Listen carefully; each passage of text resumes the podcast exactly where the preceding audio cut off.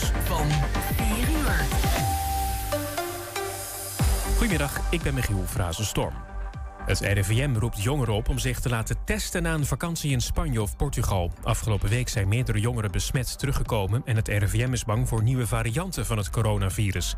Intussen zet de afname van corona in ons land flink door. Het aantal besmettingen daalde afgelopen week met een kleine 40 procent. Bij de EK-wedstrijd van Oranje tegen Oostenrijk overmorgen zijn hoe dan ook 16.000 toeschouwers welkom. Ook als het dak van de Johan Cruijff Arena dicht wordt geschoven. Die kans is er, want er komen misschien onweersbuien aan. Amsterdam zegt dat er ook met het dak dicht nog genoeg frisse lucht is in de arena.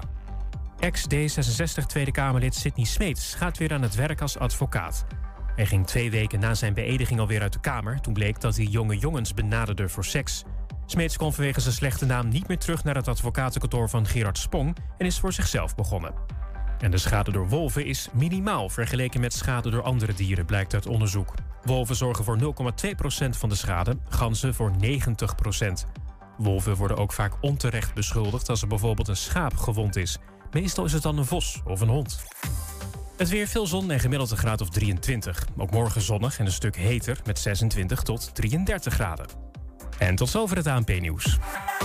Waar kan ik een APK laten uitvoeren en meteen een onderhoudsbeurt van mijn auto laten doen? Ik ga altijd naar eh, de Gebroeders van der Mei uit Enschede. Vakmanschap, passie en echte service zijn kernwaarden van Gebroeders van der Mei.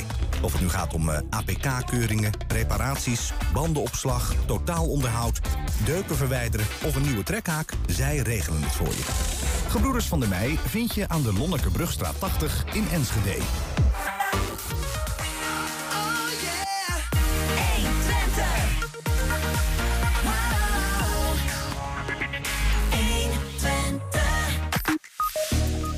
Borne keek zondag naar het debuut van hun oranje held Wout Weghorst. Hoe was dat? Wij gingen de wijk in. De PvdA in Enschede wil vaart in de bouw van een sporthal in Boekelo. Boerin Karin Schukkink-Olink uit Twekkelo die maakt zich zorgen over de nieuwe wet dieren. En George Assis vertelt over de herdenking van de Armeese genocide vanavond in het Volkspark. Het is dinsdag 15 juni. Dit is 120 vandaag.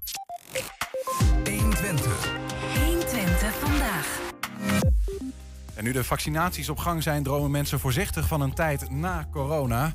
Maar volgens Jannie Joosten is het eh, virus nog lang niet op zijn retour. Tegelijkertijd ziet ze hoe volwassenen worstelen in het bespreekbaar maken van corona met kinderen. Daarom maakten ze een prentenboek dat uh, daarbij moet helpen. Getiteld Esra krijgt een test. En Jannie is bij ons. Goedemiddag. Goedemiddag. Nou, nog helemaal, nog lang niet op retour. We zien natuurlijk een hele mooie teruggang. Daar zijn we hartstikke blij mee. Maar je ziet ook dat mensen nog wel worstelen van, ja, wat moet ik? Uh, met, met, name hoe, hoe, maak ik het bespreekbaar met, uh, met kinderen, uh, testmogelijkheden. Ja, oké. Okay, dus vandaar maar... dat ik met, met dat boekje gekomen ben. Ja, precies. Nee, maar goed, je, je, je, je, je schreef een, een, nou, een soort van PR-bericht voor je, voor je boek. En daarin schreef je wel van, ja, ik geloof wel en ja, we dat, we, dat we er echt nog wel een tijdje ja, in zitten. We zijn, er nog, we zijn er nog niet. En je ziet natuurlijk door die vaccinatie is heel mooi dat we naar beneden gaan. En nou, dat gaat ook net hard in, in, in Twente. Um, maar we weten nog niet hoe het er straks in het najaar uit gaat zien. En dat mm -hmm. is natuurlijk, blijft toch altijd wel spannend. Ja. Uh, en je ziet van alles om je heen ook gebeuren. Dus ja, weet je, um, we hopen natuurlijk dat het allemaal uh, netjes teruggaat. We verwachten ook dat we die kant op gaan. Uh, maar tegelijkertijd hebben we ook nog, zien we ook nog kindertjes om ons heen die toch ziek worden, getest moeten worden, waar ouders mee worstelen. Maar ook kinderen waarvan je zegt, ja, die, ze hebben een hele periode achter zich. Kindertjes van een jaar of drie, vier hebben eigenlijk een hele bewuste leven mm -hmm. corona meegemaakt. Nou, hoe ga je daarover praten met, uh, als ouders? Je zou ook kunnen zeggen, het is een onderdeel van hun bestaan exact. geworden. Dus hoe, waarom moet je het nog uitleggen? Omdat het denk ik goed is om ze uit te leggen uh, als er zo'n test is. Om ze daarop voor te kunnen bereiden. En vandaar dat boekje. Maar ook ja. na afloop in ja, peuterspeelzalen, uh, klassen is het fijn om daarover te kunnen praten. Gaat het, gaat het daar, overigens allereerst even, je, je eigenlijk zeg je dus van ja, mogelijk zijn we er echt nog een tijdje niet vanaf. En ik sorteer voor op... Um, eh, het, de, deze zomer, het najaar en misschien wel langer? Nou, het, nee, ik denk dat je hem om moet draaien. Toen ik op een gegeven moment uh, hoorde dat kindertjes getest moesten gaan worden of getest konden gaan worden, toen dacht ik als moeder, uh, als, alhoewel die kinderen van mij al ver over de 30 zijn, van joh, wat zou je willen wanneer je ouder bent van jonge kinderen? Nou, ik zou daar behoefte aan hebben om dat in ieder geval te proberen mijn kind zo goed mogelijk voor te bereiden. Mhm. Nou, wat is er leuker om een prentenboek samen met je kind, je kunt allerlei filmpjes bekijken, Ja. maar wat is er leuker om samen met je kind een prentenboek uh, te bekijken? Um, ik heb uh, Miranda Vries daarbij uh, gevonden, die heel snel begreep nou, wat, wat mijn bedoeling was, wat mijn intentie was met het boek. Um, en ja, zo zijn we eigenlijk in Ja. nou, nog geen drie maanden tijd hebben we het boek uit de grond gestampt. En dat is op zich, iedereen die een boek schrijft weet dat dat behoorlijk wat tijd kost normaal gesproken. Dus ja, dat is eigenlijk de, de aanleiding geweest in de tijd. En nu het rustiger wordt, kun je, zie je wel van ja, maar er blijft ook een stukje verwerking over hè, en het praten over. Want ja, het is onderdeel van je leven. En gelukkig bestaat er veel meer dan corona, Mhm. ook in het leven van een peuter. Nou, dat laat dit boek zien. Het is, Het- het het is veelomvattend. In, ja, het is gewoon ingebed um, uh, in, het, uh, in het leven van een kind. Ja. Waar, maar dat kind wil ook spelen en bakt appeltaart met de grote broer en ma- bakt, uh, en bouwt hut met, met grote zus. Um, nou, het is, het is echt vanuit, het- vanuit een kind geschreven. Je hebt, hem, eh, je hebt hem voor je liggen, Ik heb hem voor me Want Misschien kunnen we... eh, Daar voor jou is een camera. Als je hem iets omhoog houdt, krijg je een beetje een beeld bij... eh, ja, ja, nee, wij zien, wij zien nu dat, dat je daar goed in beeld bent. Goed is, zal ik hem even openen? Eh, ja, dat mag ook, ja. Dan bl- bladeren we er gewoon even bij. Krijgen we een beetje een beeld van, eh, van wat erin staat. Ja hoor, we zien, we zien, deze we zien- camera. we kijken nu met je mee. Nou, het is... eh, de uit- Even een beetje een beeld van, van hoe dat boek er dan uitziet. Esra krijgt een test. Dit is Esra en die eh, is vier jaar. Esra woont in een eh, huis met een tuin en heeft een goudvis, een konijn, een paar kippen en heel veel knuffels. Esra woont samen met vader eh, Jos, grote broer, grote zus en mama René. En gaat graag naar de basisschool. Maar vandaag mag dat niet, want Esra moet thuis blijven. Ja, we hebben even op de achtergrond ook, ook de afbeelding wat groter neergezet. deze, Oh, kijk. deze las je Ja. volgens mij net voor. Ja, Ga rustig verder. ja zal ik verder lezen Ja, dan? Eh, maar als jij de achtergrond hebt, dan hou ik het boek even wat lager. ja, dat mag. We hebben, ik, we, hebben, Ja. we hebben deze volgende. af- Volgens mij is dit de volgende, hè? Ja, dus de volgende. Ja. Ja. maar ik ga hem niet helemaal voorlezen, dat snap je. Vrijdag werd een kindje van de groep van Esra ziek. Dat kindje heeft corona. Esra had de hele ochtend nog met dat kindje gespeeld. Misschien krijgen andere kindjes van de klas ook wel corona.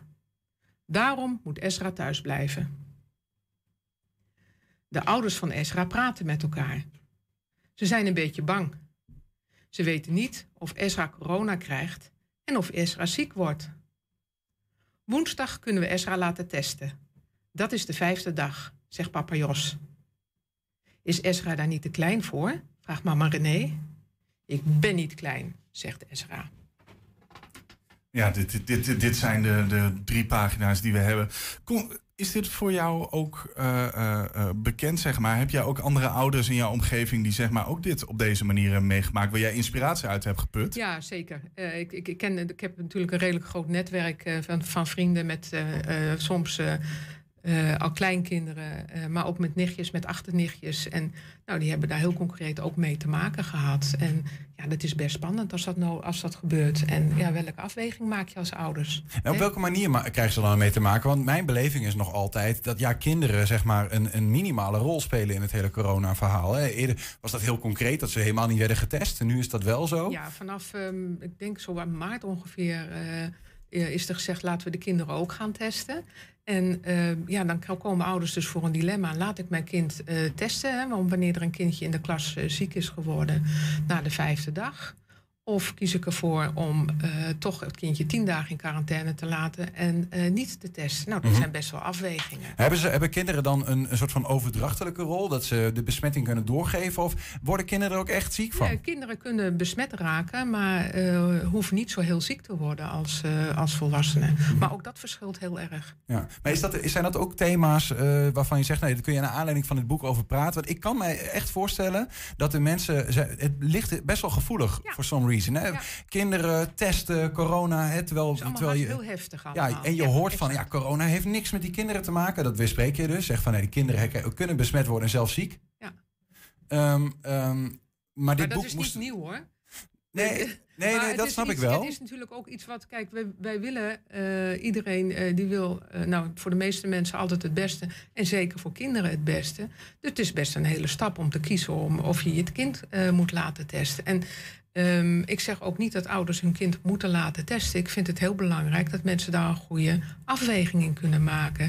Hè, ik zeg ook niet dat juffrouwen of meesters moeten zeggen tegen de kinderen van eh, laat je testen. Integendeel zelf, ik denk dat ze een goede afweging moeten maken. En ehm, eh, die keuze die kunnen alleen ouders eh, maken, want die zijn verantwoordelijk voor hun kinderen. Maar ik hoop wel dat dit boekje eh, in ieder geval de kinderen eh, helpt voor te bereiden. En misschien ouders ook voldoende informatie geeft om eh, een goede afweging te maken. Ja. En ja, achter in het boekje staan ook nog wat websites waar je als ouders, want dat is niet, niet erg op kinderen gericht, maar wat websites waar je op ouders, als ouders op kunt, kunt gaan zoeken. En er staan ook nog wat tips in van, nou, mocht je dan besluiten om toch met je kind eh, eh, die test te gaan doen, of ja, moet, mocht je kind in eh, quarantaine zitten, nou, daar staan er ook nog wat tips en tricks in om die quarantaineperiode een beetje door te komen. En als mensen zouden zeggen, ze, ze, ze zien het eerste stukje wat je, wat je voorleest. Ja. hè, Ouders maken zich zorgen. Misschien Ja. krijgt Esther ook wel corona. Dus mensen zouden zeggen, ja, dat is allemaal bangmakerij. Want dat hoor je Nee, dan vaak, het hè? loopt goed af. Het loopt goed af.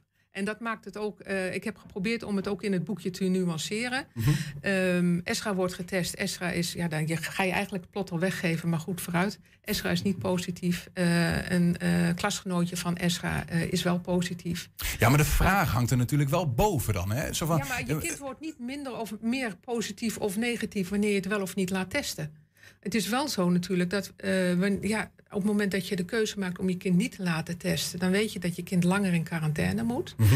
Als je als ouders zegt van ja, weet je, ik trek me er niks aan van aan, ik laat ze met andere kinderen eh, spelen en ze zoeken het maar uit. Ja, daar vind ik wel wat van. Volgens mij is elke verantwoordelijke ouder vindt daar wat van. Ja. Hey, de to- totstandkoming van dit boek. eh, je hebt dus met ouders gesproken. Ja. Maar heb je ook met kinderen gesproken? Ja, zeker. Eh, eh, er, staat al, er staat ook wel als een bedankje. En, eh, een van de favoriete oppaskindjes van mij, dat is Pip. Die is negen jaar oud. En eh, die heb ik eh, toen het boek eh, nou ja, in, in ontwerp was ook mee laten lezen. En die leest natuurlijk ook zelf. En gevraagd van, nou, wat vind je ervan? Ik heb er een paar nou ja, aardigheidjes, grapjes in gezet. Maar voor welke leeftijd zou je zeggen ongeveer Nou, is dit boek geschikt? lezers drie, dit drie, vier jaar. Zelf, zelf lezers denk ik zes, zeven. Ik heb met lettertype er ook opgelet dat je een, een letter A hebt. Zoals ze die in de ja, groep drie is dat geloof ik tegenwoordig eh, leren. Dus eh, dat, dat maakt het lezen ook wat makkelijker. Mhm. Eh, zinnen zijn ook wat kort. Dus daar heb ik wel rekening mee gehouden. Dus er staan leuke dingetjes in. Je kunt het boek ook nog eens een keer op een andere manier gebruiken. Maar er zit bijvoorbeeld ook een knuffeltje in. Eh, dat op elke pagina terugkomt. Dus nou, op die manier kun je het boek nog een extra dimensie geven. Ja. En eh, w- wat zit er dan bijvoorbeeld, hè, wat, wat zegt Pip dan bijvoorbeeld over corona? Wat je hebt meegenomen eigenlijk van, eh, Nou ja, welke gedachten zitten er in dit boek? In dit geval kan ik daar, daar wel wat... eh, eh, Pip is natuurlijk negen, die is al wat groter. Die is ook eh, eh, getest op eh, corona. Die was samen met haar moeder ziek. En ehm, die zei van ja, Moot vond eigenlijk wel meevallen. Ze waren op school allemaal heel erg bang. Maar dat, dat zegt niks, want dat is haar beleving. Ja. En het kan best zijn dat een ander kind een andere beleving heeft. En het kan ook zijn dat een andere ouder een andere beleving is. Mhm. Dus ik wil ook proberen om daar, ook in het boek, daar geen waarde over te geven. Alleen ik denk wel dat op het moment dat je weet wat er aan de hand is met je kind. eh, en je neemt daar de voorzorgmaatregelen voor. Ja, dan volgens mij helpt dat wel om met elkaar dan die corona onder controle te krijgen. Ja.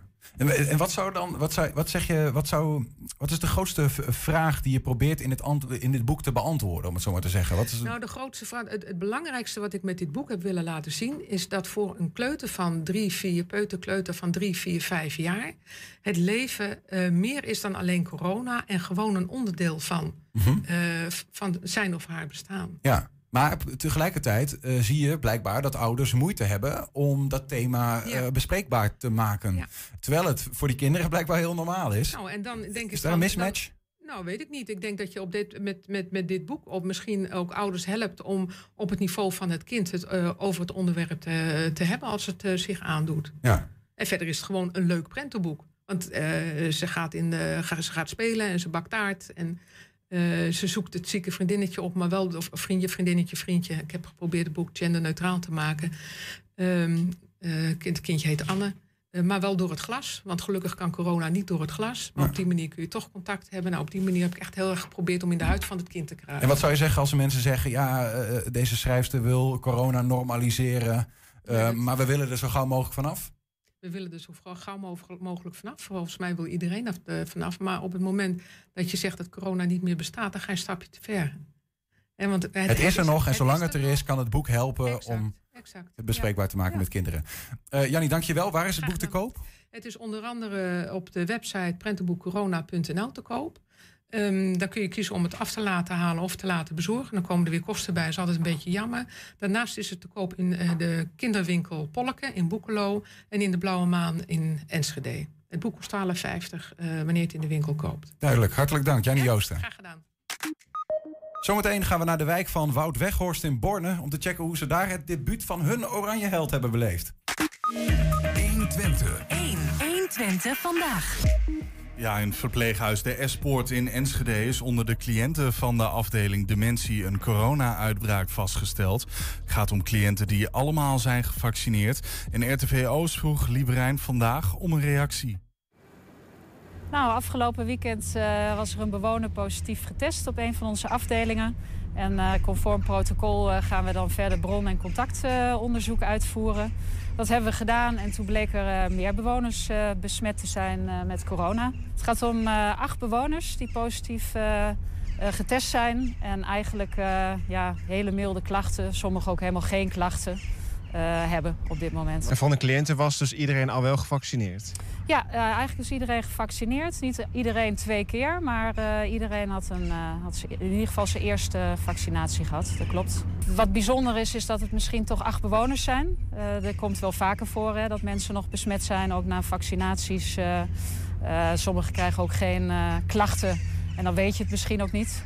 Dus eh, dat het er nu acht zijn is denk ik bijzonder en eh, voor ons eigenlijk ook nog wel een vraagteken. Ja, dat was dus eh, bij eh, onze collega Rutger Borging die de Lieberijn interviewde. 120.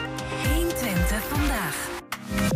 Ja, dan nu het EK, want de held van Oranje, in elk geval voor de Twen wat de Twentenaren betreft, is toch wel Wout Weghorst. De kerstverse spits van het Nederlands elftal scoorde afgelopen zondag tegen Oekraïne de 2-0. En staat donderdag waarschijnlijk weer in de basis tegen Oostenrijk. Weghorst, die ooit begon met voetballen bij Neo in Borne, woont nog altijd in zijn geboorteplaats. En zijn buren willen dat weten. De, we namen een kijkje in de wijk Bornse Maten.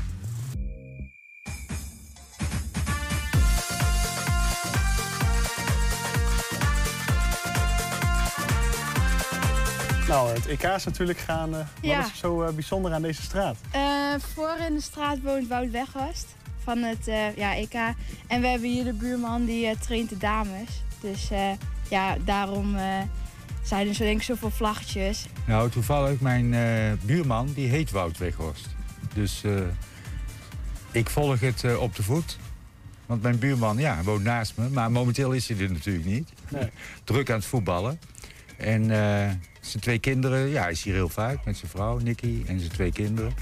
Dus eh, ik wens hem alle succes. De bekende voetballer. Maar ik ken hem ook nog eh, van vroeger. Hij speelde vroeger met mijn zoon. En hij heeft bij- bij ons in huis geslapen. Dus ik vind het wel heel bijzonder.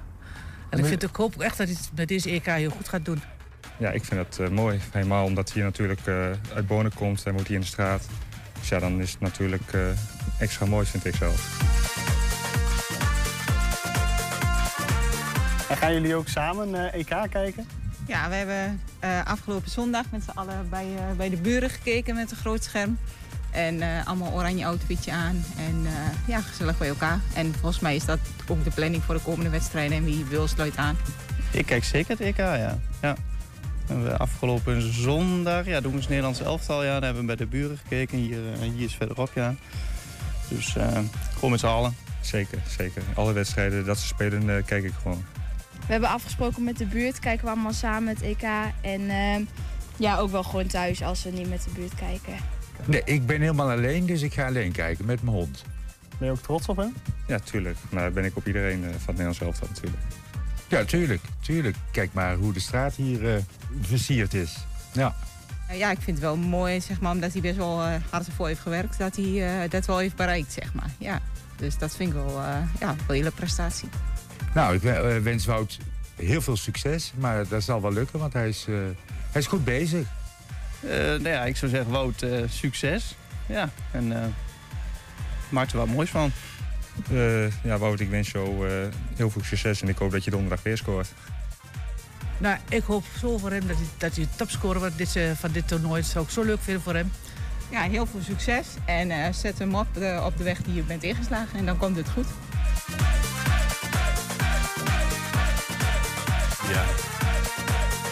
En mo- mocht je nou denken, joh, ik wil Wout Weghorst ook graag horen scoren... dan kun je altijd donderdag even de radio aanzetten in Hengelo en Enschede... en luisteren naar 120 kleurt de horeca oranje. Straks praten we met de lijsttrekker van Burgerbelangen Enschede... voor de gemeenteraadsverkiezingen van 2022, Niels van den Berg. En heb je een tip voor de redactie? Mail dan eventjes naar info.120.nl 120. 1. 120 vandaag. De bouw van een sporthal bij de voetbalvelden tussen Boekelo en Usselo heeft al een fikse vertraging opgelopen. Nu dreigen belangrijke onderdelen van het project zelfs te sneuvelen. Oorzaak, het duurt allemaal te lang en de kosten voor bouwmaterialen stijgen als een malle. Een molensteen om de nek van een mooi bewonersinitiatief. De PvdA wil dat de gemeente de zaak versnelt en heeft een eh, motie ingediend. Ze willen extra geld. Aan de lijn is André Boersma, raadslid van de So- Sociaaldemocraten in eh, de Enschedeze gemeenteraad. André, goedemiddag. Ja, goedemiddag. Hoe urgent is dit probleem? Nou, dit, dit probleem is zo urgent dat als je nu niet eh, met eh, dat geld over de brug komt, zij dus bepaalde dingen niet kunnen doen. En een van die belangrijke dingen die ze dan niet kunnen doen is bijvoorbeeld de zonnepanelen. Dat zou betekenen dat je dus een eh, hogere energiekosten hebt. En eh, ja, dat kan toch niet de bedoeling zijn, toch? Nee, nee, nee dan dan betaal je later weer eh, de problemen, daar krijg je ervan. Ehm, wat behelst jullie emotie dan precies? Is het gewoon zo van, geef geld? Nou ja, ja er- ergens wel. Eh, dus de motie behelst eigenlijk van, eh, ja kom, eh, we hebben nu zoveel vertraging gehad eh, met die eh, MFA. Daar is ook een, een stukje gemeentelijk is daar debet aan. Er, is, er zijn wat, ja, wat fouten gemaakt, maar er zijn ook wat bezwaren die veel te lang duren. Normaal moet je binnen zes weken eh bezwaarschrift afgehandeld hebben. Nou ja, dat is nu bijna drie, vier maanden overheen. Je, je gaat heel snel, André, want ik denk dat er een aantal kijkeraars zijn die dit, die dit nog niet zo goed kennen. Hè? Dat sportpark wat Oh, bij de Zweden zou aankomen. Wat, wat, wat speelt hier nou eigenlijk precies, die vertraging? Wat is de reden daarvoor?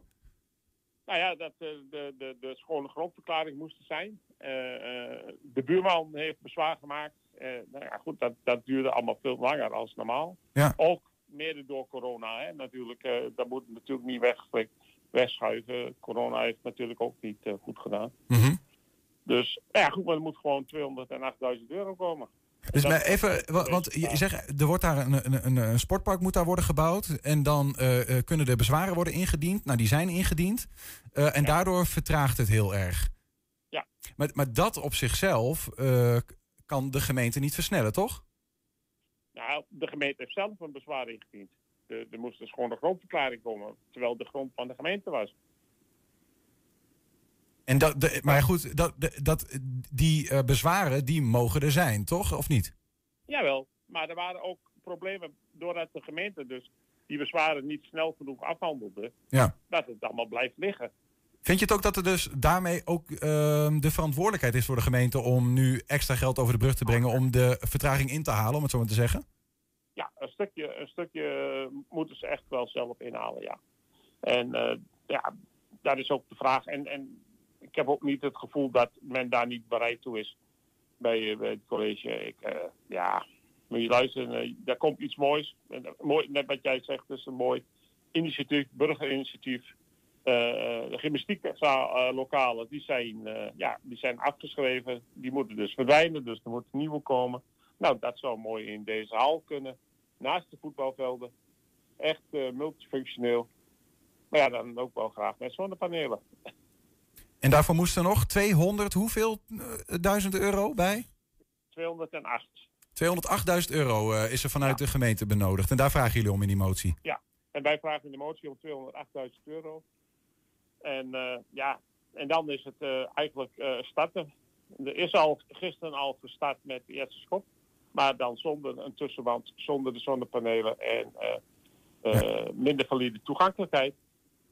Dat willen we natuurlijk allemaal niet. Dus het is, het, is, het is niet de vraag, eh, André, of het, of het sportpark of, het, uh, of de sporthal er ooit komt. Die komt er. Alleen het liefst met alle toeters en bellen die van tevoren gepland waren, waaronder zonnepanelen. En daarvoor is extra geld nodig. Ja. Dus om het uit te voeren zoals het is aangevraagd en zoals wij een overeenkomst zijn aangegaan met, met als gemeente met, uh, met, de, met de stichting. En waar dus de inwoners gewoon zelf uh, bijna uh, 1,8 miljoen uh, euro op de plank leggen. Mm -hmm. nee, ik bedoel, dat hebben ze via inzamelingsacties gewoon opgehaald. Ja, dan, dan vind ik, dan moet je als gemeente dan ook kijken van, oké, okay, alles is duurder geworden. Corona heeft alles vertraagd. we hebben zelf een beetje foutjes ingeschat. En daar is ook wat vertraagd. Nou, moeten we eigenlijk... Ja. Dan moet 208.000 euro. Ondertussen wordt er wel gewoon begonnen met de, met de bouw, hoor ik, uh, hoor ik je zeggen. Ja. Maar wanneer wordt de motie behandeld die jullie nu hebben ingediend? Of die nou, jullie gaan indienen? Uh, wij gaan hem aanstaande maandag indienen bij de jaarrekening voor 2020. Dus zeg maar het overschot wat daar was en proberen dat daaruit te halen. Ja. En, en even voor, om dat heel concreet te krijgen, dat is misschien een beetje, uh, een beetje nog um, nou ja, visionair denken. Maar wanneer kan nou die boekeloze schooljeugd de eerste volleybal over het net slaan in die nieuwe sporthal?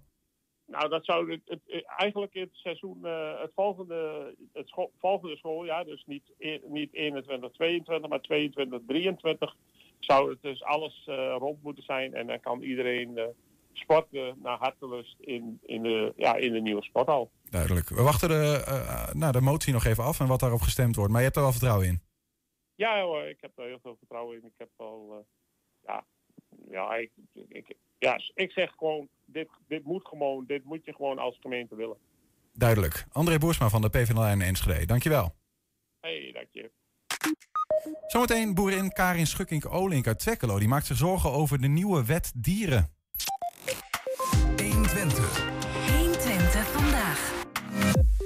Ja, de tweede Enschedeze lijsttrekker voor de gemeenteraadsverkiezingen 2022 is bekend. Na Gertjan Tillema voor D66 werd duidelijk dat Niels van den Berg opnieuw lijsttrekker wordt voor burgerbelangen Enschede. Collega Ernst ging met hem in gesprek. Niels van den Berg, wethouder, dat is je ene pet. En is nu een nieuwe pet. Ja, dat was een pet die je al paste volgens mij. Maar unaniem gekozen als lijsttrekker uh, voor Burgerbelangen Enschede. Gefeliciteerd. Dankjewel. Unanieme beslissing. Daar ja. hebben ze lang over moeten debatteren voordat het unaniem werd. Was dat wel gelijk raak?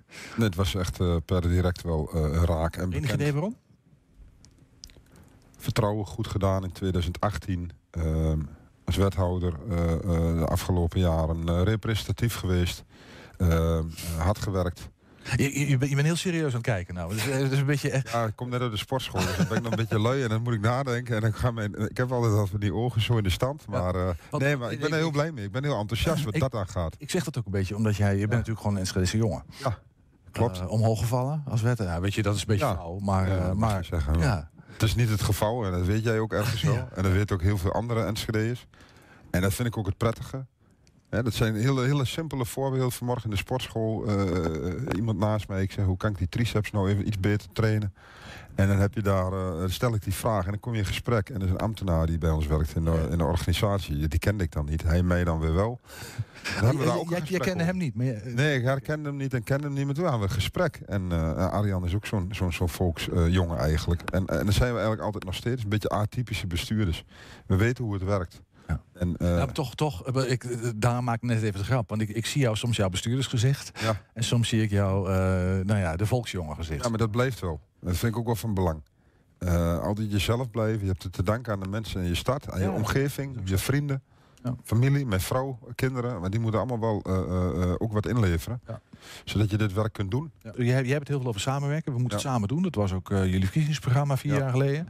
Nou, er zal ongetwijfeld iets vergelijkbaars komen, want dat gaat niet ineens veranderen. Um, maar er is ook een soort van moment dat je zegt van ja, samenwerking tot op zekere hoogte. Er is ook wel een, een, een soort onder- of, of, grens dat je zegt, ja, nou, nou gaan we het samen niet meer meemaken. waar ligt die voor jou? Dat, dat heb ik me oprecht afgevraagd. Wanneer zeg jij genoeg is genoeg en nu of ik geef een portefeuille terug of we gaan het zo doen. Maar dit, dit is me te gek. Nou, ik denk dat we deze, dat weet ik wel zeker, deze periode netjes af gaan maken. We gaan nog geen gekkigheid uithalen. In ieder geval niet vanuit uh, richting de partijlijn. bedoel, eh, ga er even. Ja, maar dat, is wel belangrijk. want Dat zie je ook wel eens wel staan. Maar dat vind ik zo goedkoop. Ik trek de stekker, de verkiezingen komen eraan. Hebben we landelijk ook gezien. Heb ik ook toe opgeroepen bij ons. En bij de andere coalitiepartijen ook. Laten wij dat niet doen. Netjes afmaken. En dan weer en netjes achterlaten. Naar de toekomst toe.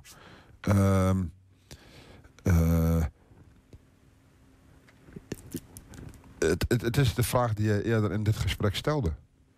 Zijn de verschillen eh, eh, zijn het de verschillen die maken dat, je, dat het een kracht wordt van vijf partijen? Ja. Dan heb je daar een meerwaarde.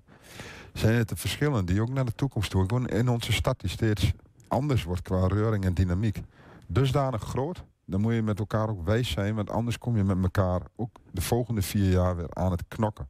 En daarbij vind ik ook, en dat heb ik vorige keer ook gezegd, ehm, en toen is GroenLinks er op een gegeven moment eh, eh, dan uitgestapt.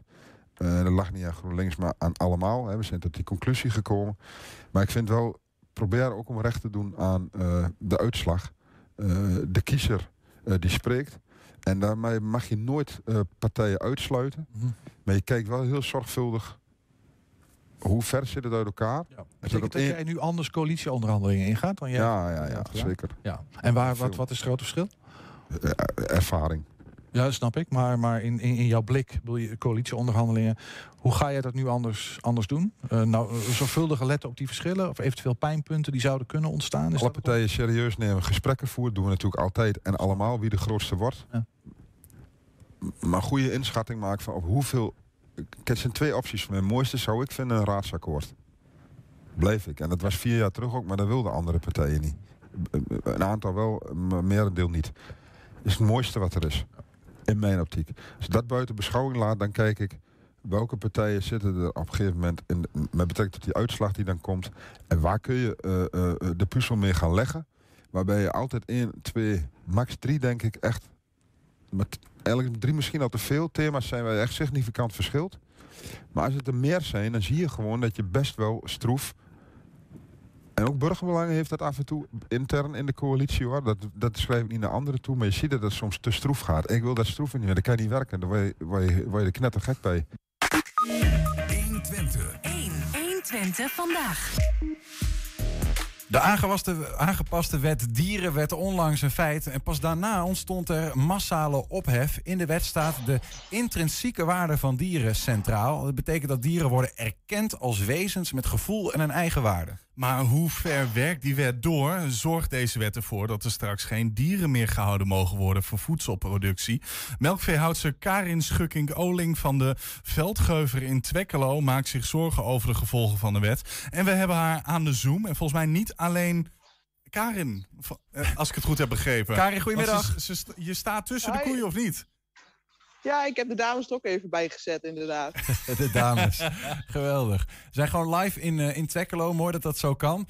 Ehm Karin, een- wet waarin dierenwelzijn centraal staat... dat moet voor jou als boerin ehm, als muziek in de oren klinken, toch? Ja, kijk, er- was natuurlijk ook altijd al gewoon wet over dierenwelzijn. En eh, laten we ook even duidelijk zijn, dierenwelzijn is ook gewoon het belangrijkste wat er is. Als wij niet goed zijn voor onze dieren en ze zijn niet goed te pas, dan, eh, ja, eh, dan zijn ze ook niet goed voor ons en dan verdienen we uiteindelijk geen brood. Dus eh, eh, laat daar geen twijfel over zijn. Maar eh, de onaangename verrassing van twee weken geleden, dat, dat was toch even minder aangenaam, moet ik heel eerlijk zeggen. Waar, waar komt het op neer dan? Want hoe kan zo'n zo'n wet dan problemen opleveren? Eh, nou, vooral de omschrijving die te vaag is en daardoor ja, interpretatie geeft voor, eh, ja, voor mensen die er toch wel heel erg anders over denken. Want help ons even, het wat is die omschrijving dan? Die omschrijving waar je het over hebt, die vaag en vrij groot is? Nou, globaal komt het erop neer dat je eh, het dier niet aan moet passen op de huisvesting, maar de huisvesting op het dier, bijvoorbeeld. Ehm, en in, ja, als je dat zo hoort, klinkt dat als logisch en eh, zou dat geen discussie op moeten leveren. Maar dat zou er eigenlijk indirect ook kunnen, toe kunnen leiden dat je bijvoorbeeld geen, geen dieren meer mag houden voor de melk, of voor het vlees of voor de eieren. Nou ja, goed, en, en dat, dan zit de andere kant eraan. Eh, We produceren gewoon voedsel hier. We zijn voedselmakers. Eh, en dat gaat dan niet meer. Want als jij zegt van bijvoorbeeld voor ehm, eh, vleeskoeien heb je nou eenmaal een stal nodig. Ja, vooral voor, voor melkkoeien heb je een stal nodig. Want dat melk moet je uit de uier halen. En dat doe je over het algemeen in de stal. Kijk, ze gaan gewoon overdag naar buiten. Maar twee keer per dag moeten ze binnen zijn bij ons. Ehm, en eh, bijvoorbeeld, een, voorbeeldje daarvan is, eh, wij eh, laten de koeien allemaal onthoornen. Dus als, als kalf, als ze twee, drie weken oud zijn, dan worden, komt de veearts, eh, worden ze verdoofd, krijgen ze een pijnstiller. En dan, eh, dan brand je het begin van het horentje weg. Ehm, want als je dat niet doet, dan, eh, en je hebt ze allemaal in zo'n stal als wij hebben, Ja. dan gaan ze elkaar verbonden. Want er zit gewoon rangorde. Eh, voor ons als, als eh, veehouders is dat gevaarlijk, maar ook voor het vee onderling is dat gewoon heel gevaarlijk. Nou, die wet zoals die er nu ligt, die zegt nou eigenlijk ja, eh, dat is niet zoals het is bedoeld. Eh, eh, dan moet je maar een hele andere vorm van huisvesting eh, gaan creëren, waardoor dat wel kan. Eh, wij zeggen al als. Ja, is, het, is, is het zo specifiek als dat je. Sorry, Karin, is, maar is het zo specifiek als jij zegt dat, dat, dat die wet inderdaad zegt over jouw manier bijvoorbeeld van eh, veehouderij, van dat kan niet meer? Of is dat eigenlijk nog wel een vraagteken? Nou, eh, het punt is dat, het- dat de wet eh, weinig specifiek is. En eh, dat geeft eigenlijk heel veel grond voor mensen die daar echt anders over denken. om daarmee naar de rechter te gaan en de minister erop aan te spreken. van nou, als je sec naar de wet kijkt. doen de boeren dat niet goed in Nederland. Waarom en dat wij- willen we eigenlijk graag voorkomen. Waarom hadden wij dit gesprek niet een maand geleden? Hoe kan het dat eigenlijk de boerenlobby. Hebben ze zitten slapen of zo? Want deze wet is door de Tweede en de Eerste Kamer gegaan op deze manier. Ja. Ja, ik, ik denk de boerenlobby heeft geslapen. Eh, alle politieke partijen die over het algemeen, als ze er nuchter over nadenken, ook wel heel anders tegen aankijken. Eh, ik weet niet hoe het kan, maar het is er tussendoor geglipt. Heel specifiek, hè? Eh, voor jouw eigen bedrijf. Zou ehm, het, het, deze wet, als die in deze vorm blijft en, en activisten gaan ermee aan de haal, zou het echt het einde voor jouw bedrijf, voor die stal daar achter jou kunnen betekenen? Ja, als je, als je zwartgallig en, en doemdenkend bent, dan, eh, ja, dan eh, ik, ik kan mijn vee niet op een andere manier houden. Dan zou ik een totaal ander huisvestingssysteem moeten hebben. Eh, nou ja, die overschakeling kost natuurlijk gigantisch voor veel geld, als dat al kan. Nou, plus de- al die andere opgaven die wij al hebben liggen, dat, is- dat is gewoon niet te doen. Nou is er zojuist, ik weet niet of je dat hebt gevolgd, maar in de Tweede Kamer is er eh, een debat geweest. Is er een motie aangenomen van Corile- Caroline van der Plas van de Boer-Burgerbeweging. En die zegt eigenlijk, lees het even voor, dat wetenschappelijk moet worden vastgesteld wat natuurlijk gedrag is van huisdieren en veedieren. En nou, wat ik ervan begrijp, gaat dat erover dat je eigenlijk moet kunnen zeggen van, nou ja, als jouw koeien bijvoorbeeld in die stal ander, de- anders dan natuurlijk gedrag gaan vertonen, ja, dan mag die stal daar niet zijn. Uh, maar zij zegt eigenlijk, Caroline van der Plas zegt, maar dan moeten we eerst vaststellen wat natuurlijk gedrag dan eigenlijk is. Um, wat vind je daarvan? Gaat dat helpen? Uh, ja, deels wel, denk ik. Uh, maar jouw opmerking is terecht van wat is nou natuurlijk gedrag? Kijk, uh, deze dieren zijn inmiddels al zo gefokt dat ze, denk ik, ja, niet meer het natuurlijke gedrag vertonen wat ze ooit zeg maar, bij de schepping hebben vertoond. Dus ze hebben zich al lang aangepast. Uh, wat ik heel graag zou willen is dat, dat gewoon onafhankelijke mensen die daar verstand van hebben, dus gewoon experts, uh, beslissen van nou dat onthoornen, um, er zijn voor- en er zijn nadelen. Um, het is beter voor het algeheel dat we het bijvoorbeeld wel doen, zeg maar. Of niet, maar uh, dat, er gewoon mensen naar kijken die daar onafhankelijk in zijn en die er verstand van hebben. Want wat we nu gaan krijgen is, is dat je voor elk wisse wasje dan een rechtsgang krijgt. en dan moet je maar hopen dat er iemand over beslist die daar ook echt verstand van heeft. Je zegt eigenlijk wel meer maatwerken. Mensen die kijken naar de specifieke zaak, de specifieke, misschien zelfs per, per bedrijf? Nou, nee, volgens mij is dat, uh, is dat niet te doen. Uh, je zou dat gewoon per sector moeten bekijken. Want je hebt nu ook gewoon al sectoraal allerlei plannen om het dierenwelzijn uh, zo hoog mogelijk te houden. En mm -hmm. daar moeten boeren gewoon hard aan werken. Um, dus ik zie dat niet op bedrijfsniveau. Dat zou je sectoraal op moeten pakken. Hoe, um, hoe gaat het met jouw koeien? Weet je dat eigenlijk? Zeg maar, hoe, ja, hoe zie je dat? Uh, ja, nou, een koe is over het algemeen goed te pas als die uh, nou, sta, staat te vreten, zeg maar. ze moeten veel liggen. en als ze liggen, dan herkauwen ze. Maar koe slaapt bijvoorbeeld maar 20 minuten per dag. Heel veel mensen weten dat niet. En dan zou je haast denken van, dan krijgt hij wel genoeg rust. Maar dat is, dat is dus iets van natuurlijk gedrag. Um, en wij worden natuurlijk ook veel begeleid door onze veearts. Uh, en ook, we hebben ook één keer per jaar een ronde. Dan ga je samen met de veearts door de stal. En die beoordeelt dan ook of jij als boer eh, zeg maar een blinde vlek hebt of dat je alles nog goed ziet. Mhm. Eh, dus er zit best wel veel borging in eh, ja, dat je zelf daar ook alert op blijft.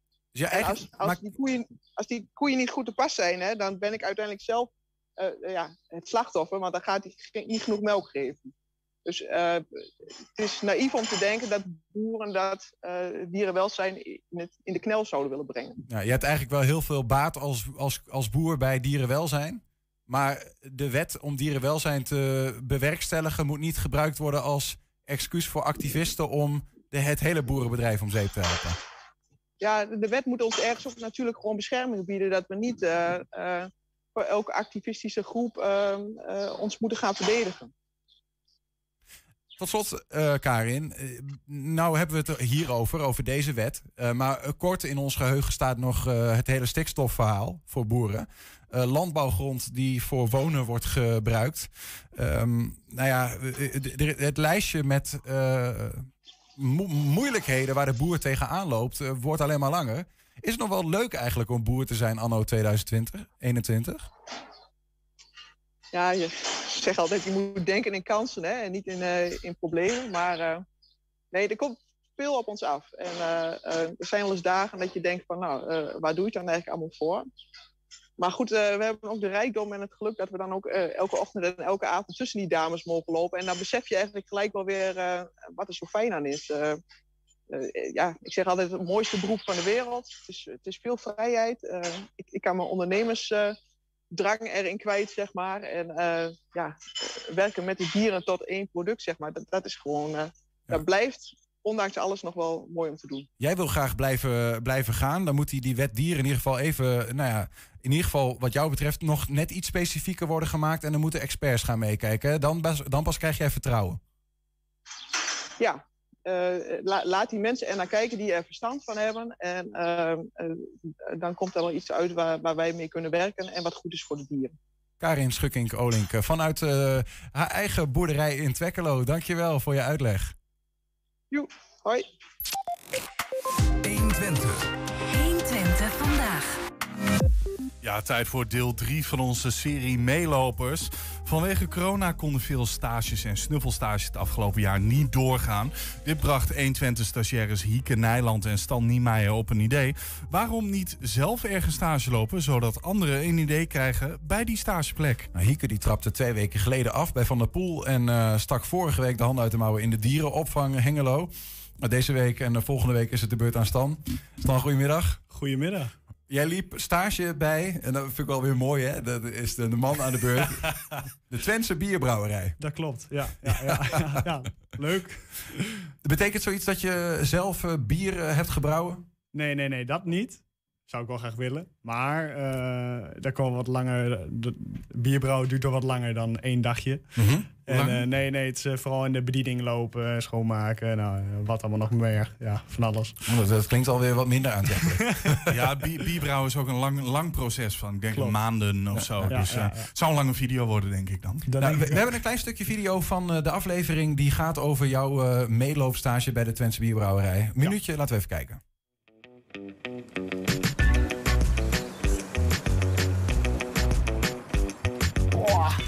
Is een lekker weer.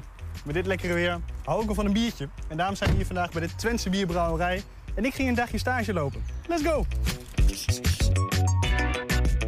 Nou, we staan nu achter de bar. Ik zie de, de, de bediening heeft al een paar eh, bonnetjes aangeslagen. Ja, nou ja, er zat daar uh, ijzergreen en een uh, spa rood. En dan moet ik hem openmaken? Ja, en dan- openmaken. Oh god. Nou, voor, eh, voor de eerste keer ging het eh, volgens mij be- best goed. Dat was prima. Waar zijn we hier dan? We zijn hier in de brouwerij van de, van de Twents Bierbrouwerij. Kan ik toevallig ook wat, wat proeven? Tuurlijk kan je wel proeven. Nee, dat, daar zeg ik geen nee tegen.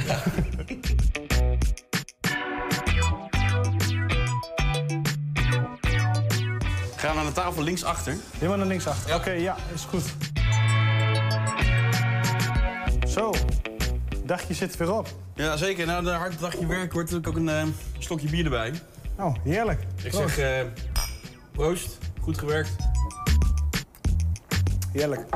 Wacht even hoor, Stan. Vond je dat ik dat Ja, er, er gebeurt hier wat. Ja, wat, wat jij zegt wel van ja, nee, ik heb eh, bier of ik heb eh, rondgebracht en ik heb eh, schoongemaakt en zo. Maar ik zie hier toch eh, eerst al eh k- kunnen we ook wel proeven. En dan vervolgens Ja. wordt er aan het einde wordt ook nog bier gedronken. Hoeveel, hoe groot is dat deel ongeveer geweest? Valt op zich mee. Valt mee, valt mee. Ja. Was het een snuffelstage omdat je op een gegeven moment je snuffelt op de grond terechtkwam? Of wat? eh? Nee, nee. Nou ja, als je iets gaat schenken, moet je wel weten wat je schenkt natuurlijk. Hè? Dus je moet wel weten wat je serveert aan de En, mensen. en daar ben je achter gekomen in deze, deze dag. Een beetje de, de, de kunde achter het bier. Ja, eh, ook wel. Hij heeft me al veel eh, uitgelegd over, over bier en eh, nou, wat voor smaken hun dan hebben en zelf hebben bedacht en zo. En, eh, maar ja, vooral wel eh, het, eh, het borden lopen in het restaurant. eh. Dus het horeca-gedeelte erbij. Ja, ja, is, ja, dat, is dat moeilijk? Zeg maar even, wat vond je daarvan? Want het lijkt mij dus bijzonder ingewikkeld met zo'n heel eh, blad. Nou, ik kan er helemaal niks van. Echt helemaal niet. Is zo hè Niels? Met de vingers naar boven uiteindelijk. Ik, ja, zo eh, zie ik het zo ook altijd doen, maar het lijkt Ja, me bijzonder ja. ingewikkeld om het te doen. Nou, het is mij niet gelukt. Ik, ik durf het helemaal niet aan, want ik, ik zie mezelf al dat, dat, blad op de grond laten vallen en zo. Nou, ik heb het niet. eh, wat waren de trucs die ze je meegaven? Zo van, nou, let hier of hier eens op. Nou, uiteindelijk moest ik eh, drie borden naar, eh, naar een tafel toe brengen. Nou, hoe wil je drie borden vasthouden? Dat, eh, dat kan, je, kan je niet met twee handen doen. Dus moest je één bord hier en dan één bord op je, op je arm en, en de andere bord in je andere hand. Nou, ik heb het, eh, ik heb het niet geprobeerd. Ja, ik heb het geprobeerd, maar het lukte niet zo goed. Dus eh, we hebben het uiteindelijk met eh, twee man gebracht. Dus eh, en, en zeg maar een bijbaantje op dit vlak, dat gaat hem niet worden. Ja, ik vind het wel heel leuk. Want Oh, je, ja. je, zit- je zit echt onder de mensen natuurlijk. Ik ben ook wel sociaal en enthousiast en zo. Maar dat is niet echt een goede sollicitatievideo. nee, de, de techniek kan je leren. Dus dat, dat komt over de tijd wel. Stel, je zou daar weg we hebben een heel klein eh, eh, voorproefje gezien dus. Eh, een minuut. De hele video staat op 120.nl al die of staat, vanavond? die staat online, ja. Die staat nu al online. Die staat online. Ja. En als je nou, want je, je hebt een beetje kunnen proeven aan dat vak van bierbrouwen, maar ook van horeca-mens. ja. Eh, je zegt al, ik ben wel vriendelijk met mensen. Wat, wat voor een eigenschap heb je nog meer nodig, denk je? Eh, vooral enthousiast en sociaal. Dat is het belangrijkste. Ja, techniek, eh, dat leer je wel. En eh, nou, als je sociaal bent en enthousiast en vriendelijk, dan kom je al heel ver in dat vak. Zeg hoor ik daar dan toch stiekem een soort van open sollicitatie? Zou je het overwegen om in de horeca iets te doen? Nee, ja, ik, ik, heb het, ik heb nooit in de horeca gewerkt en ik ben natuurlijk niet van plan. Want, ik- ja, ik heb iets heel, een heel ander vak geleerd. dus nee, dat is, voor mij is dat niks. Maar, Maar wat, wat is nou, geef even één, want je hebt een- zo'n aflevering duurt een minuut of tien of zo. Ja. Ehm, w- w- zit er ook nog iets in waarvan je zegt, nou, eh, weet je, dit, dit, dit was iets wat ik niet verwacht had? Of zo van eh, iets, een kleine, een kleine, dat we echt in, eh, nieuwsgierig worden. Hmm, daar moet ik even goed nadenken. Ja, hoe, hoe kan je dat? Ja, het is, het is gewoon hartstikke gezellig. Ook, ook met de collega's daar. Ja, het is gewoon één, één gezellig groepje daar. Dus ja, ik weet niet waar ik het over moet. Wanneer we duiken echt in de sfeer van de Ja, Twentse bierbrouwerij. Je, je komt wel echt helemaal in. Ja. Achter de schermen. Ook, ja. ja. Dus je ziet wel echt eh, waar alles gebeurt en zo. De stageplek volgende week, waar is dat? Eh, bij de Waarbeek. Dat ga je ook eh, doen. Ja, ja, Jij hebt wel echt de plekken uitgezocht, hè? Ja, zeker. Moet ook. Ja. Volgende week zien we je dus terug en dan gaan we praten over jouw stage bij de Waarbeek. Ja. En kijken hoe je daar, eh, of, je daar ook in, of dat ook een letterlijke snuffelstage wordt. Complete Ja, chaos. precies. Stan Niemeyer, dankjewel. De derde eh, editie van aflevering van Meelopen staat inmiddels online op 120.nl. Ja, zometeen hebben we de column van Ton Ouwehand. 120. 120 vandaag. De genocide op de Arameërs in eh, 1915 wordt vanavond herdacht in het Volkspark in Enschede. Op het programma staan toespraken van politici en optredens van artiesten. Die genocide is een eh, dieptepunt in de vervolging van Arameërs. Ongeveer 65.000 van hen werden in eh, 1915 eh, vermoord. We praten daarover met de voorzitter van de herdenkingscomité. Dat is George Assis. George, goedemiddag. Goedemiddag, hallo. Ehm, zou je kunnen proberen te beschrijven hoe gevoelig die genocide nog altijd ligt in de gemeenschap? Ja, het is eh, een gevoelig onderwerp omdat het eh, nu al eh, meer dan 100 jaar is. En ehm, we hebben nog steeds over een eh, erkenning. Ehm, en ja, het, het ligt nog eh, heel gevoelig, laat ik zo stellen. Die, want die erkenning is er nog niet. Ja, die is er wel, maar het is ook het acceptatie ook. En daar heeft het ook mee te maken. Acceptatie bij wie? Bij de Turkse overheid voornamelijk, want daar is het min of meer gepleegd. En als je het accepteert, ja, dan gelden er weer juridische stappen. Wat bedoel je er dan mee? Eh, want dat is dan een soort van formeel ding, hè? we accepteren het. Welke juridische stappen, welke, welke open wonden zijn er nog? Nou, laat ik het zo stellen. Kijk, eh, die eh, criminele eh, activiteiten zijn dus meer dan 100 jaar geleden gebeurd. En dat betekent dus dat er heel veel grond en eigendommen, natuurlijk van de christenen toen, die, ja, die zijn ontnomen.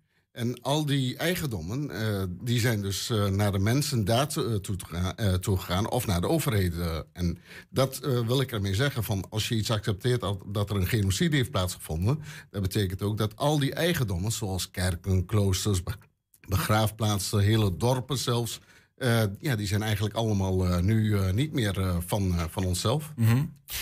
Ehm, voor de mensen die die achtergrond niet goed kennen. Ja. Eh, wat is daar gebeurd? Want het was, het was in, de in de Eerste Wereldoorlog. We hebben het over het Ottomaanse Rijk. Ja, dat wat, klopt. Wat, wat, wat speelde daar in 1915? Nou, in 1915 hadden we net zoals hier in Europa hadden we de Eerste Wereldoorlog. En eh, het is eigenlijk, ehm, ja, hoe moet ik het eh, uitleggen? Christenen die leefden daar eigenlijk in het begin al in, in een samenhang, in cohesie met de islam. Maar op een gegeven moment is er een drang gekomen. Ehm, men zag dat de christenen op een gegeven moment weer heel veel welvaart hadden. Ehm, en eh, wat er is gebeurd ehm, met de Armeniërs en de Arameërs en de Chaldeërs en de Pontusgrieken ja, die hadden heel veel eigendommen. En die eigendommen, dat, dat, eh, ja, dat was een pre en must voor de eh, buren. En wie leefde daar? De Turken en de Koerden. Wij zaten precies tussenin. En, en wij waren eigenlijk vogelvrij ge- eh, verklaard. Ehm, en eh, op die manier zijn we eigenlijk ehm, onrechtmatig eh, ontnomen. En niet alleen onze bezittingen, ook onze, ja, hoe zeg je dat? Onze, ehm, wij zeggen, ja, sorry. Nee, ja, ik, ik vroeg me af, want, want ik hoor je eigenlijk zeggen van nou ja, de reden voor ehm, dat er onrecht gebeurde was eh, dat het goed ging eigenlijk met de Arameërs en met die andere volken die je net benoemt. Ja. Ehm, da- dan kan ik, ja, weet je, ik kan me dat zo, zo bijna voorstellen eh dat, dat er roof plaatsvindt op zo'n moment. Maar dit gaat ook over een volkerenmoord. hè. 65.000, ik geloof 70% van de Arameërs in Turkije of in het Ottomaanse Rijk toen is daarmee eh, omgebracht. Ja. Wa- van waar die haat? Wat, wat, wat gebeurde daar? Ja, het, is moeilijk te verklaren. En ehm, dat is ook de wond die open blijft van waarom. Ehm, want ja, wij waren altijd ehm, eh, met onze buren, waren wij, hebben we die naaste liefde. Als christen eh, deden we dat ook. Maar het was niet wederzijds op dat moment. En eh, daar is de fout ook in gegaan. En daar hebben wij eigenlijk, eh, ja, zijn wij slachtoffer eh, letterlijk gewo- eh, geworden.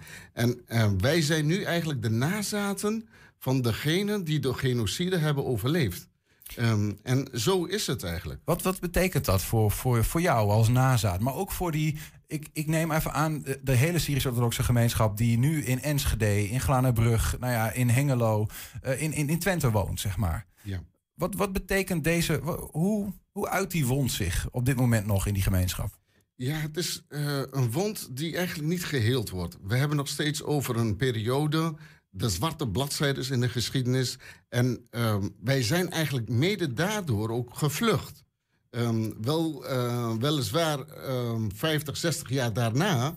Maar zo lang heeft die wond eh, is gebleven. Want ehm, het was niet alleen in die periode. Er was ook een periode ervoor. Maar eh, recentelijk nog met IS. Mhm. Dus het herhaalt zich steeds. En ook nu, we leven in een vrij land. Maar we kunnen toch niet bepaalde dingen uiten. Omdat het tegen wordt gehouden. Ja. Je noemt net een woord naaste liefde. Hè? Jullie zijn christenen, ehm, Syrisch-orthodox. Heeft naaste liefde eh, een grens? Zo, hoe moeilijk is het om eh, je naaste liefde blijven hebben? En misschien ook wel de mensen die je aankijkt van, van ja, ik hou jullie verantwoordelijk. Hè? Je noemt een land Turkije waarvan je een acceptatie verwacht. Hoe is jullie verhouding ten opzichte van Turkije?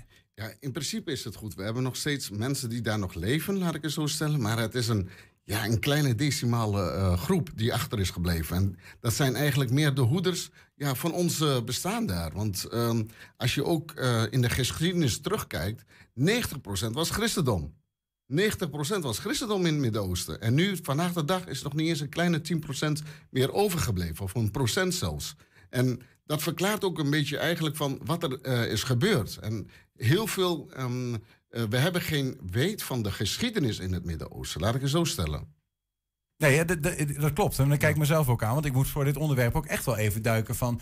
Eh, het is ook soms best ingewikkeld. Eh, we hebben het over Arameërs, we hebben het over Syrisch-orthodox. eh, die, die termen en van waar gaat het nou eigenlijk over? Ehm, eh, maar wat ik dan zelf wel interessant vind om te, te lezen, vanavond die herdenking in het Volkspark. Daarbij zijn ongetwijfeld mensen vanuit de, de gemeenschap zelf, maar ook Turken. Zeker. En Turkse Nederlanders. Ja, Turkse Nederlanders. Eh, we hebben zelfs een eh rabbijn, eh, de opperrabbijn is ook aanwezig. Wij delen eigenlijk onze leed. Kijk, ehm, en we hebben ook onze Armeense broeders uitgenodigd. We hebben ook onze Pontus Grieken broeders uitgenodigd. En iedereen is uitgenodigd. Het is een samen een leed die wij hebben ondergaan.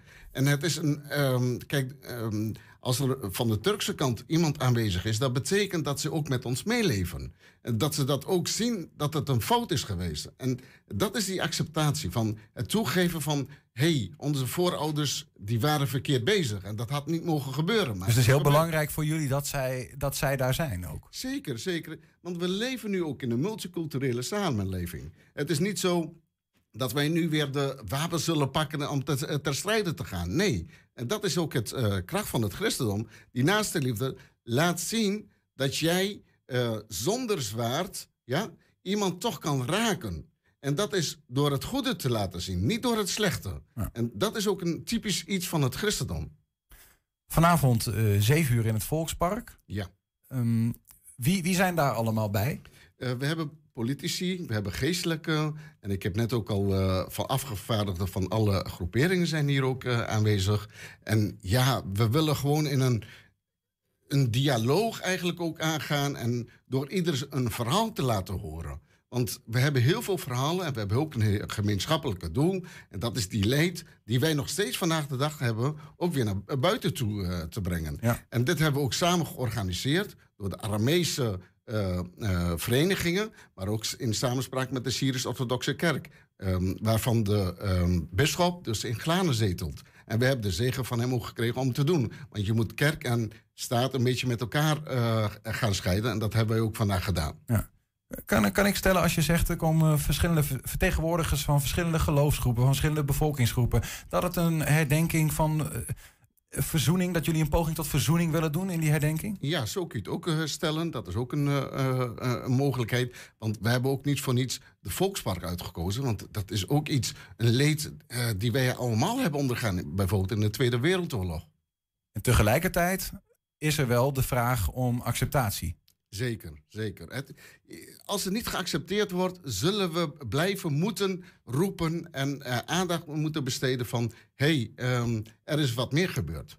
Hoeveel mensen verwachten jullie ongeveer? Nou, we hebben een schatting van rond de 100, eh, zoiets. We hebben eh, bijna 10, 20-tal gasten al. En ja, we proberen ook zoveel mogelijk aan de coronamaatregelen aan te houden. Dus ja, ehm, we hebben geen oproep gedaan tot een massale bekering, bijeenkomst. Eh, het zal ook live worden uitgezonden door Serieus dat eh, over de hele wereld. En eh, ja, daar moeten we het eigenlijk mee doen. Maar kijken dan ook veel, even voor mij een beeld, kijken daar veel uh, mee? Ja, ja, we hebben eh, op de Facebook wordt het uitgezonden, maar ook op de tv, dus op de satelliet.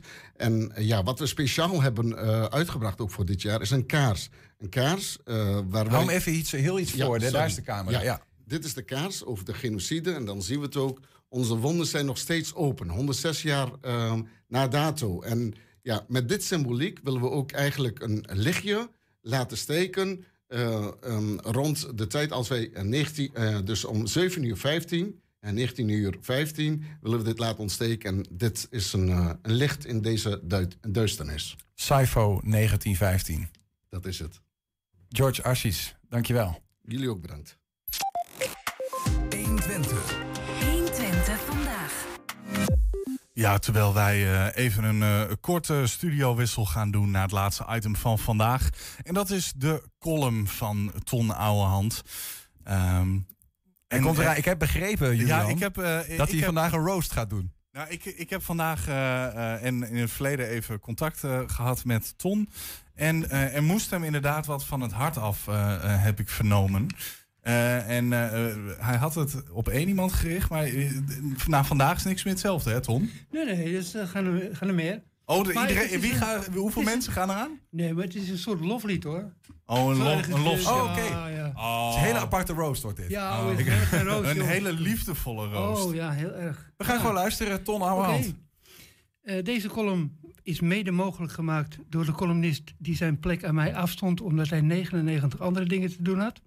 En door Kermit de Kikker, John de Mol, Peter van der Vorst, Carlo Boshart, Eva Jinek, Thomas Acta, Veldhuis en Kemper, Paul Simon, Abba, Nick en Simon en Angela de Jong. En de titel is dan ook Nick, Simon en de tv-columnisten van het AD. Voordat ze op het RTL-nieuws vertellen wat voor weer het gaat worden, hoor je tegenwoordig een stem die zegt: Het weer wordt mede mogelijk gemaakt door de barbecue-sausen van Calvé. Mooi dat ze een goede bestemming hebben gevonden voor die vieze sausjes. Ik ben wel blij met commerciële televisie waar ze dat soort informatie prijsgeven, want de publieke omroep wordt door het grootste deel in stand gehouden door publiek geld.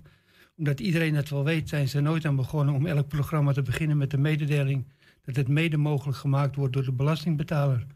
Nee, zo'n opmerking hoeft helemaal niet, want mochten we even vergeten zijn wie de grote geldschieter van de publieke omroep is, dan hebben we altijd nog een tv-recensent die de kijker daar fijntjes op wijst.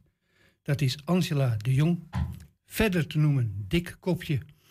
En Rijn Kroes, dat is trouwens helemaal geen belediging sinds Kermit met afstand de leukste Muppet zijn babyfoto's toonde en vertederend opmerkte: Kijk, ik was hier nog een dikkopje. En eh, Angela de Jong heeft natuurlijk wel een flink hoofd.